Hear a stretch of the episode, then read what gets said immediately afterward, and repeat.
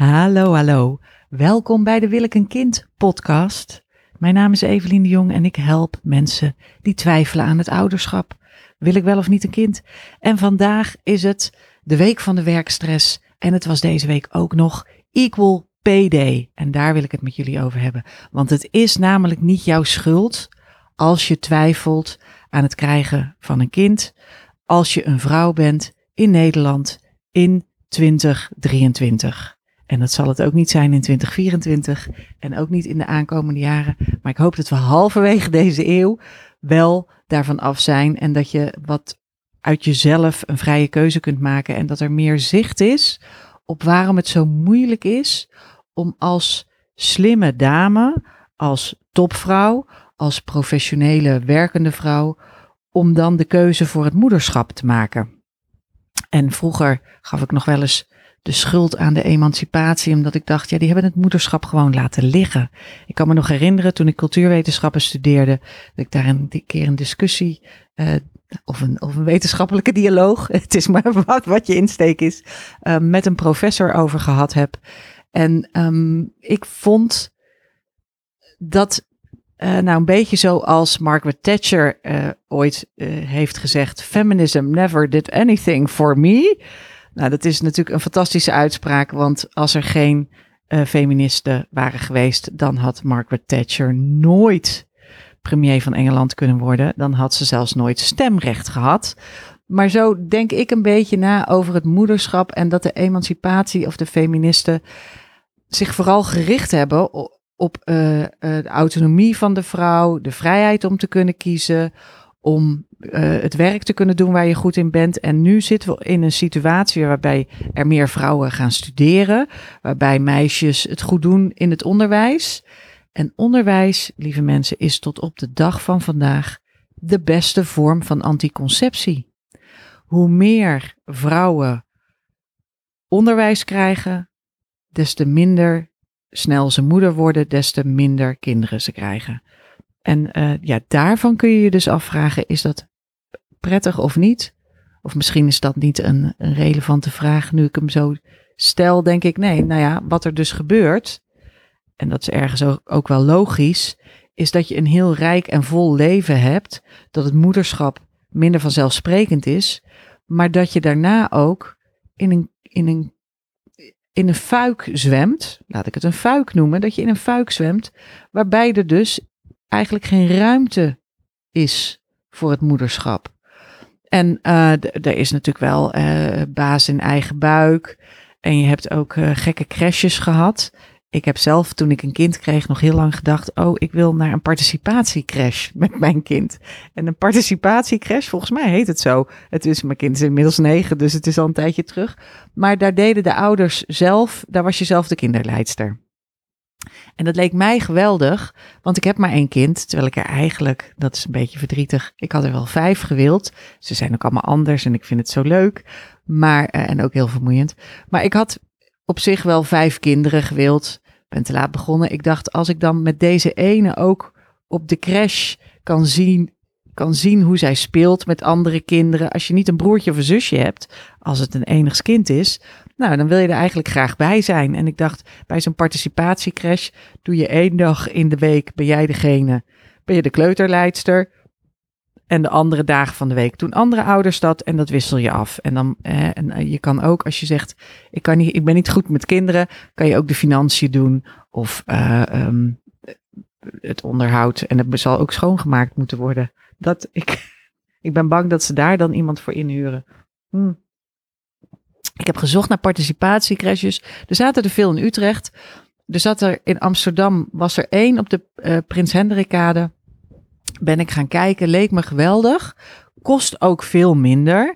Dus het kost je één dag werken in de week. Maar dan ben je ook met je kind en ook met een hoop andere kinderen. Dus dan leer je ook veel over opvoeding en over, nou, over die kleine wezentjes. En, en, en dan ben je daar uh, in bezig. En ik vond het wel een heel mooi ik vind het nog steeds een heel mooi idee, de participatiecrash.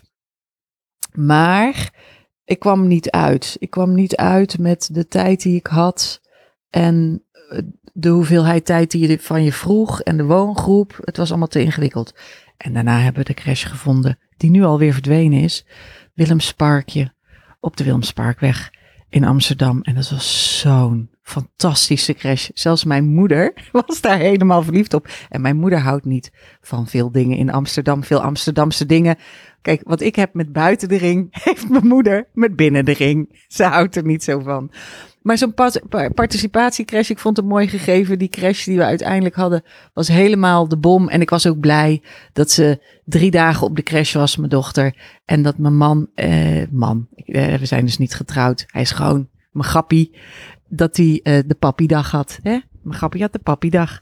Dus die deed één dag in de week. Doet hij nog steeds. Uh, en dan drie dagen crash. Dus dan had ik vier dagen even vrij van het moederschap. En kon ik me als professionele vrouw cultiveren en kon ik carrière maken in de kinderwenscoaching. Uh, en het is in die tijd ook dat ik die switch heb gemaakt. Dus dat kwam me goed uit en ik had al die tijd nodig.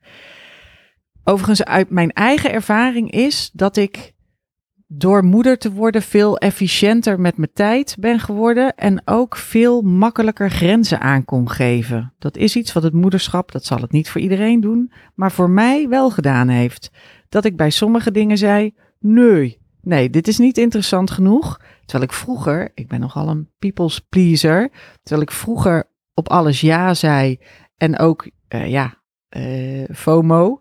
Ik wou zeggen YOLO, maar dat is You Only Live Once. Maar FOMO, FOMO, Fear of Missing Out. Dus ik wilde overal bij zijn. Ik wilde alles doen. En toen ik een kind gekregen had, toen ik moeder geworden was, toen dacht ik bij heel veel dingen, nee, dit kan niet interessant genoeg zijn. Of dat gaat me, ik ga je gewoon nee tegen zeggen. Of uh, I don't think that's part of my journey today. Dat soort dingen kun je dan zeggen.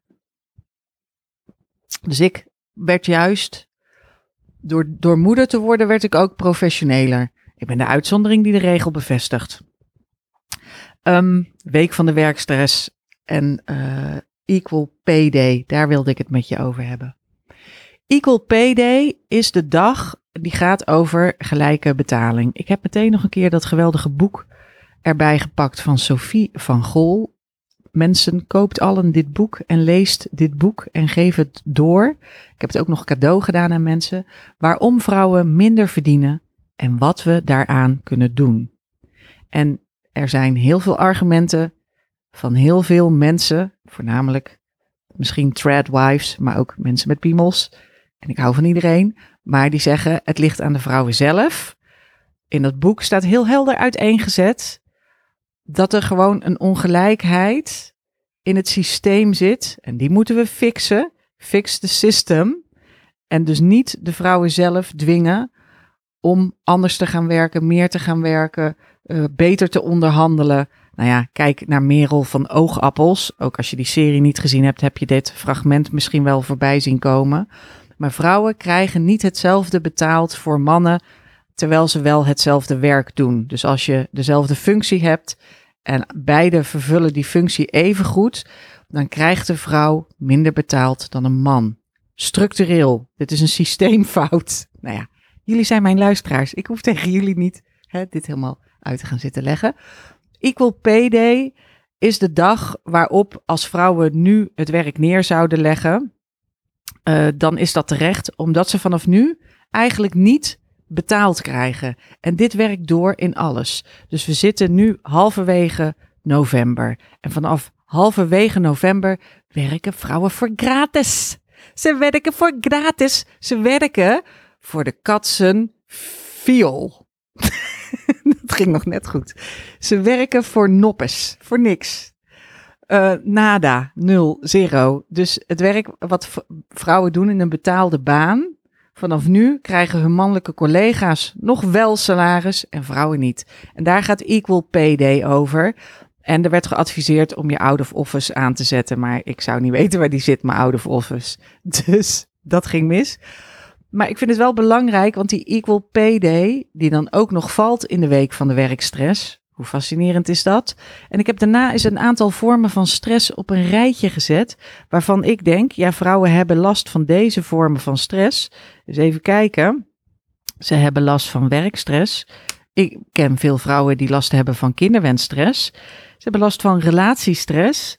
Ze hebben last van mantelzorgstress en financiële stress. Dat zijn de vormen van stress die nou typisch vrouwen ten deel vallen en mannen minder. En die werkstress en die mantelzorgstress, ja, de huishoudelijke stress staat er niet echt bij, maar eh, kinderwensstress zit zeg maar daarvoor. En dat komt, ik ben weer begonnen in het boek. Ik heb, ik heb een beetje mijn oude cultureel wetenschappelijke passie opgepakt en ik ben opnieuw begonnen aan een ander boek. En dat heet Waarom liefde eindigt, een onderzoek naar relaties in de 21ste eeuw. Ik ben al eens begonnen in dit boek. Ik heb al eens geprobeerd om het te lezen, maar tussen ons gezegd en gezwegen, het is te moeilijk. Het is een te moeilijk boek voor mij. Het is een sociologisch vocabulaire dat ik niet beheers. Dus dan moet ik weer ontologisch opzoeken en dan moet ik weer scopisch kapitalisme uh, opzoeken. En dat kan je dan niet. Zelfs Google weet geen verklaring te vinden voor deze woorden. Dus het is met oprechte, het is uh, gewoon oprecht. Ik ben oprecht geïnteresseerd, maar het is echt heel moeilijk opgeschreven. Daar ben ik zelf niet zo van. Maar ik zal hier doorheen. En ik kwam meteen zoveel interessante dingen. Het is uh, fascinerende materie. Maar die werkstress en die Equal Pay Day, dat zijn onderwerpen waar feministen zich vandaag de dag mee bezighouden. En ik denk dat ze zich ook inmiddels wel bezighouden, of dat deden ze toen ook al, bezighouden met het moederschap. Er is alleen geen pasklare oplossing voor.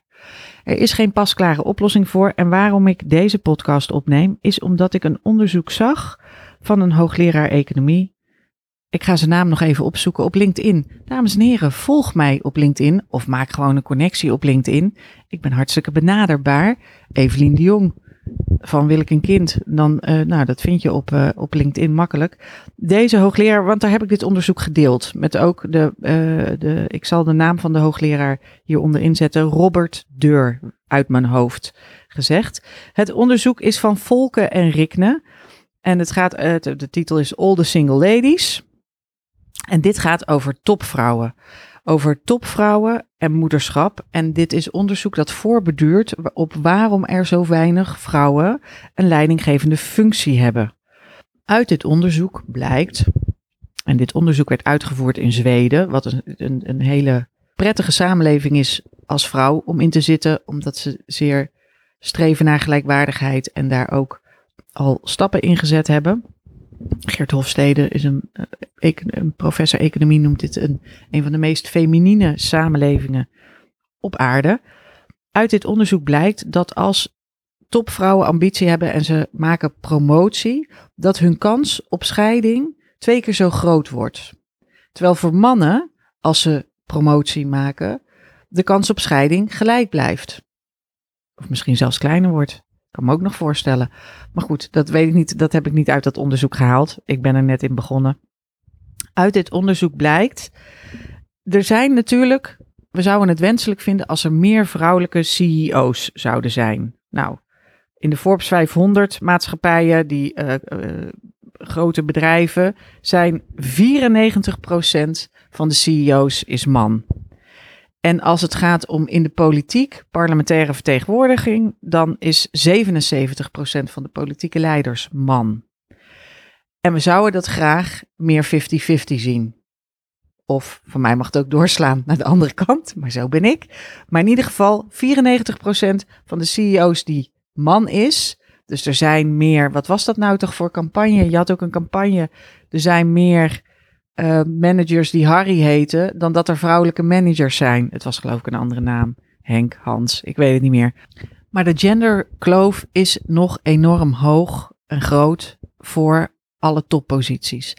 En die genderkloof in positie, die zie je ook terug in dus het inkomen en in het, in het, in het loon, in het salaris van vrouwen. En die genderkloof, die blijft ook spelen als het gaat om de vertegenwoordiging en in de media. Want er was ook een paar weken terug een onderzoek waaruit blijkt dat vrouwen veel minder op televisie te zien zijn. Als ze op televisie te zien zijn, dan zijn ze jonger, dan worden ze minder vaak aan het woord gelaten, ze worden vaker onderbroken. Nou, opnieuw, ik ga niet hè, preken voor eigen parochie aan jullie uitleggen hoe oneerlijk verdeeld het allemaal is, maar we zijn het met elkaar eens dat het niet eerlijk verdeeld is. En het moederschap is daar is een radartje in dit geheel, laat ik het zo zeggen. En wat je soms hoort, soms krijg je wel eens als je iets post op LinkedIn, dan eh, komt er toch nog een vervelende meneer, ondanks dat hij daar professioneel zit. Dat vind ik zo prettig aan LinkedIn. Ondanks dat hij daar professioneel zit, durft te beweren van ja, maar vrouwen zijn geen leider. En vrouwen zijn gewoon minder ambitieus. En vrouwen, ja, god, hè, ze hebben het aanrecht. En waarom zijn ze er niet tevreden mee? Nou, zelfs op LinkedIn kom je die mannen tegen. Maar uh, dan kun je gewoon ook uitzoeken waar ze wonen. Nee, dat wil ik ook niet gezegd hebben. Uitzoeken waar ze wonen. Uh, maar je kunt wel zien waar ze werken. Dat is ook interessant. Als je moeder wil worden, dan is het dus gevaarlijk als vrouw om ambitieus te zijn. En dit is helemaal geen verrassing voor ons. Dit weten wij. En dit weten wij, en dat blijkt ook uit onderzoek.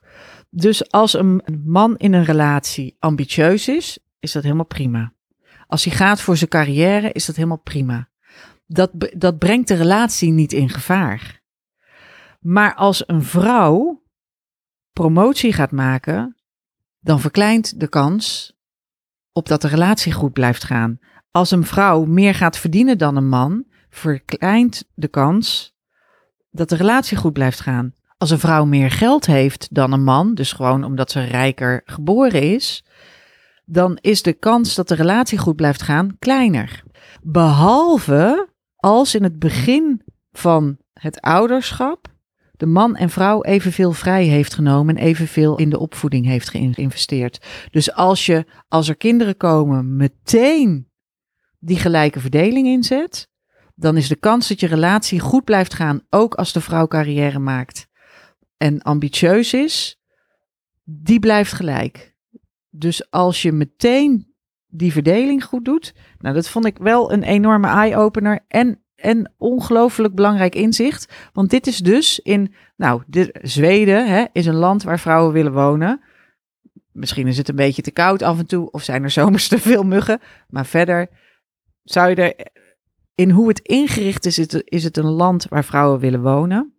zelfs daar, als je dus niet meteen de verdeling in de opvoeding van de kinderen, als je dat niet meteen gelijk maakt, vanaf het allereerste begin, dan, dan is de kans dat het daarna je relatie kost, is groter. En dit heeft ook, dit is ook onderzocht als het gaat om daten. Dus ik heb het nu over de kans op een relatie. Je hebt het over de kansen op een scheiding, dus het, het, de kans dat je relatie misloopt. Maar ze hebben ook onderzoek gedaan naar vrouwen die daten, studenten, Amerikaans onderzoek. Dit komt allemaal uit dat All the Single Ladies onderzoek. Wat je dus als je op mijn LinkedIn komt kijken, ik stuur jullie gewoon daar naartoe, want ik heb geen zin om dat allemaal uit te zoeken en op te snorren. Uh, als je op mijn LinkedIn kijkt, dan zie je dat onderzoek. En daar, staat, daar staan al deze onderzoeken. Ik zit nog mee in de introductie. Maar ik dacht, maar ik neem hier meteen een podcast over op. Daar is gevraagd aan vrouwelijke studenten: wat zijn je ambities? Nou, dan vertellen ze wat hun ambities zijn, wat ze willen bereiken in het leven. Dus hè, dan ben je eind, eind 20, begin 30. Dit zou ik graag willen met mijn leven. Dit zijn mijn dromen. En daarna hebben ze de opmerking toegevoegd. Wat zijn je ambities? Zoals je die kenbaar wil maken en wil delen met je medestudenten. Dus we gaan nu aan iedereen vertellen dat dit jouw ambities zijn. Wat zijn dan de ambities? En die ambities werden voor vrouwen, voor single vrouwen, drastisch naar beneden gesteld. Dus niet een klein beetje gedempt, nee, drastisch naar beneden gesteld. Dus alle vrouwelijke studenten weten diep van binnen dat als ik de wereld wil veranderen en als ik minister-president wil worden, wat wij allemaal super schattig vinden, hè? dus dat als er kindertjes op bezoek komen bij Femke Halsema en dat er dan een vingertje de lucht in gaat van zo'n schoolklas. En dat er dan een kindje vraagt van, goh, kunnen jongetjes ook burgemeester worden? Dan zeggen wij, wat een topsituatie en kijk hoe ver we gekomen zijn. Maar als je aan studenten vraagt, wat zijn je ambities? En um, oké, schrijf dat op. En daarna zeggen we, mogen we dit delen met iedereen? Dan zeggen die vrouwen, nee, mag ik dat papiertje even terug? Want dan schrijf ik even wat anders op. Want ik wil niet mijn werkelijke ambities met iedereen delen. Want je weet, dan is mijn kans op een gezin of op een relatie sowieso verschoten, uh, uh, bekeken. Hoe noem je dat? Ik kan even niet op het woord komen. Maar dus vrouwen zonder relatie stellen hun ambities drastisch naar beneden toe bij als ze die gaan delen met potentiële partners. En dat vind ik zo uh, treurig, want dat, laat, dat is het begin van aan vrouwen laten zien. Dus als je met die kinderwens zit en je hebt een goede baan, of je hebt een goede baan en je hebt nog niet een relatie. Want deze werkstress situatie, ik zag ook iemand die daarover zei, uh, human resource dame, die zei, ja, ik zie ook dat vrouwen die bij ons werken in een wat hogere positie en die ook nog hè, in de dertig zijn, die hebben veel op hun bordje liggen. En vaak is de privésituatie zorgt ook voor slapeloze nachten. Vlak het niet uit dat je en, die moet dus die partner vinden, die moet er dus oké mee zijn dat jij een slimme dame bent met een, met een goede baan en met ambitie. En hij moet er ook oké mee zijn dat als er kinderen komen, dat jullie dat dan 50-50 gaan doen. En als jij in het begin een stapje terug doet, dat je dan daarna, als je daarna weer je ambitie opschroeft, dat het dan voor problemen zal zorgen. Nou, shocking. Wat moet je hier nou uithalen als luisteraar van de Wil ik een kind podcast? Als slimme vrouw die luistert naar deze podcast, is het goed om te weten dat je niet gek bent. Is het goed om te weten dat dit in de statistieken staat, dat het wetenschappelijk onderzocht is en dat jij eigenlijk, ik noem dit in mijn werkboek, noemde ik dit, ik, ik noem dit de bumpergeneratie. Je zit in de generatie, de bumpergeneratie, die de klappen opvangt. Dus het is nog helemaal niet zo lang aan de hand. Dus in de jaren 50. Mijn moeder heeft altijd buitenshuis gewerkt. En dat was een zeldzaamheid. Dus ik heb veel vriendinnen met moeders die niet buiten huis gewerkt hebben of op een andere manier buitenshuis gewerkt hebben. En nu, en mijn oma heeft, mijn oma is wel een interessant verhaal trouwens. Mijn uh, opa was boekhouder en mijn oma die zette koffie en die eh, had verder niet een studie gedaan. Die, die waren gewoon getrouwd. Maar toen, uh, zij had een tweeling gekregen en ze was gewoon huisvrouw en moeder, mijn oma. En toen mijn opa zelfstandig als boekhouder, dus hij werkte eerst voor een kantoor, toen ging hij voor zichzelf werken. En toen zei hij op een gegeven moment, tussen neus en lippen door, ik moet iemand hebben die, me, die voor mij dingen kan uittypen. Dus ik ga kijken of dat we niet iemand kunnen vinden die voor mij dingen kan uittypen. Want uh, daar, daar, uh, ik kan dat zelf niet meer allemaal doen. En toen heeft mijn oma als een malle zichzelf leren typen. Heeft ze gewoon stiekem gedaan. In de uren dat mijn opa zat te werken, heeft mijn oma zichzelf leren typen. En een maand of wat later, toen mijn opa weer zei: Goh, ik heb echt iemand nodig die hè, kan typen. Toen zei mijn oma: Oma, dat kan ik. Want die dacht, ik ben maar daar gek. Ik ga niet heel de dag koffie lopen zetten en met koekjes lopen sjouwen. En dat jij een secretaresse hier uh, op kantoor hebt zitten die, uh, die interessant werk mag doen. Ik wil dat zelf doen. Dus uh, zonder enige opleiding. En toen hebben mijn opa en oma samen eigenlijk die boekhouding. Mijn opa deed heel veel dingen ook nog met de hand. Ik heb daar allemaal grote schriften van. Of hoe noem je die schriften? Met allemaal hetzelfde handschrift en allemaal cijfertjes. Prachtig. Maar um, dat vond ik knap aan mijn oma. En mijn moeder heeft dus ook altijd gewerkt. En dit is iets wat ik mezelf ook nog kan herinneren. Mijn vader als huisman. mijn vader is net zo'n goede huisman als ik een huisvrouw ben. Ik kan me nog een keer herinneren. dat hij dacht, toen hadden ze de kleur van de pakken vla veranderd of zo. En toen schonk hij voor mij en mijn zusje, zei hij, nou hier is het toetje. En toen schonk hij iets in, maar in de plaats van dat het een dikke substantie was, een vla-achtige substantie, was het chocomel en ging alles over de tafel. En ik weet ook nog, volgens mij zette mijn moeder al het eten klaar. Ik moet dat dit weekend eens aan haar vragen. Maar volgens mij zette mijn moeder het eten klaar en zorgde ze dat alles klaar stond, zodat zij naar de sociale academie kon en daarna op een schippersinternaat kon werken. Maar mijn moeder, die heeft dat dus, mam, als je luistert, hulde die heeft dus helemaal er nog voor gezorgd dat ze zelf er geld verdiende en zelf buiten huis kon werken. En ik heb hier nooit oog voor gehad. Fascinerend. Ik zit deze podcast te maken. Ik ga dadelijk een bloemetje kopen. Ga dit weekend naar mijn ouders toe. En dan ga ik er zeker hier nog voor bedanken. Maar die heeft dus al, je moet dus alles dubbel doen. En daar waar ik het had net over werkstress, relatiestress, mantelzorgstress, financiële stress, kinderwensstress. En de volgende podcast zal gaan over feestdagen stress mensen, want dat komt er ook nog aan. Maar al die vormen van stress komen neer op vrouwenschouders. En als je het wat gelijker verdeelt, dan zul je zien dat de stress van een CEO, het zal wel, maar in verhouding tot wat hij verdient, is het natuurlijk belachelijk. Als je ziet wat topmannen in een bedrijf mee naar huis nemen. Nou, ze staan nog overeind. Hun rikketik doet het nog. Dus het kan nooit zoveel stress opleveren dat het die betaling. Maar goed, dit is een of ander links socialistisch verhaal. Wil ik helemaal niet vertellen. Ik vind prima als ze zoveel mogen verdienen. Maar dan wil ik ook dat de helft een wijf is. Dan of non-binair of gay. Maar anders accepteer ik het niet. Dus weet voor jezelf dat je onderdeel bent dat, van die bumpergeneratie. Evelien, maak nou eens een punt.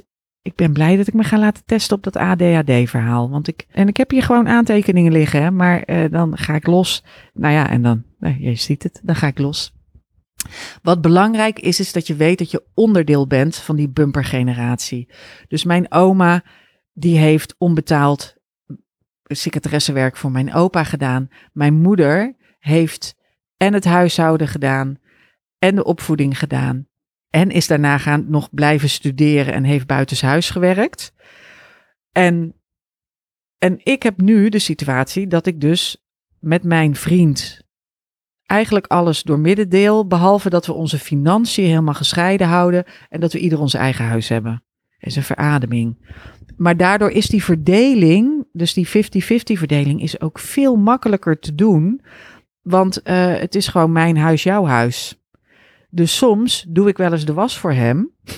Omdat ik daar gewoon uh, vaak ben. En als ik daar dan toch zit te werken, dan denk ik van, oh ja, die wasmand zit helemaal vol. Ik kan net zo goed even een was in stoppen en over 2,5 uur even ophangen. Want dan moet ik toch, hè, dan gaat de pomodori af, moet ik toch even een wandeling maken. Maar dat soort taken, dat 50-50 doen, dus het is en de was doen. En nou ja, mijn vriend doet nu alles. Hij zegt, ons kind gaat op een groep, op een teamsport. En maar teamsport, nou lekker klaar mee. Want je moet en steeds naar die velden van de teamsport. En je moet dus op zaterdag wedstrijd doen. Dus dit weekend moeten we ook weer twintig bananen en sinaasappels door de midden hakken. Omdat we het fruit moeten verzorgen. En er moet gefloten worden. Waarbij ik heb gezegd, jij fluit, want dat kan ik echt niet. Ik kan echt niet op een veld met allemaal kinderen en dan met een fluitje. Dat wil helemaal, helemaal, dat is voor niemand leuk. Maar weet dat je die bumpergeneratie bent. Dus dat je niet gek bent. Dat je niet denkt, oh, dit ligt aan mij. Bij iedereen gaat het vanzelf. Nee, helemaal niet. Je hebt heel veel verworvenheden. Dankzij de feministen en de strijd en de emancipatie zie je het verschil tussen mijn oma, mijn moeder en mij. En tussen jouw oma, jouw moeder en jou. Dus daarom zit je op de positie waar je nu zit. En daarom zit je klem en daarom heb je al die vormen van stress. Jij bent niet gek. Het systeem zet jou klem. Daarom sta je onder druk en daar krijg je stress van. Nou, ik hoop dat dit hele verhaal enigszins stressverminderend gewerkt heeft. Belangrijk. Heel belangrijk is dat je onthoudt waarom vrouwen minder verdienen en wat we daaraan kunnen doen van Sophie van Gol. Dat is een boek, moet je lezen. Gaat over werkstress en equal pay. Ik denk dat die dingen gerelateerd zijn. Daarnaast, oh ja, dat wou ik ook nog zeggen, die mantelzorgstress. Want niet alleen, ook als je geen kinderen hebt, zul je zien dat jij als vrouw geacht wordt om voor je ouders te zorgen. Van jezelf verwacht dat je voor je ouders zorgt.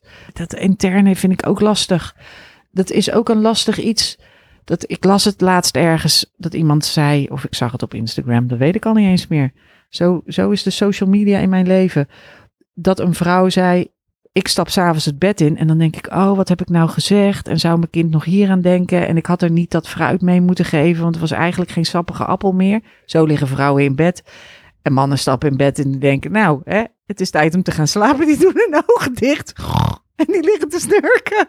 Dat is iets wat vrouwen zelf doen. Ik weet dat ik nogal seksistisch generaliserend dit zo in één keer zeg. Dus je hebt natuurlijk ook piekerende mannen en je hebt ook vrouwen die gewoon oblivious zijn. En er niet over nadenken. Maar misschien dat je voor jezelf ook Wat ik zelf nodig heb als ik ga slapen is een boek of een sudoku. Ik kan niet slapen zonder boek of sudoku. Of de seks moest heel erg geweldig zijn dat je uitgeput in slaap valt. Nou, dat laten we op deze hoge noot deze podcast beëindigen. Dus weet, het is niet jouw schuld. Het is het systeem. Er wordt aan gewerkt. Niet door jou, door mij. Volg me op LinkedIn. Ik zie je graag in een volgende podcast. Dag.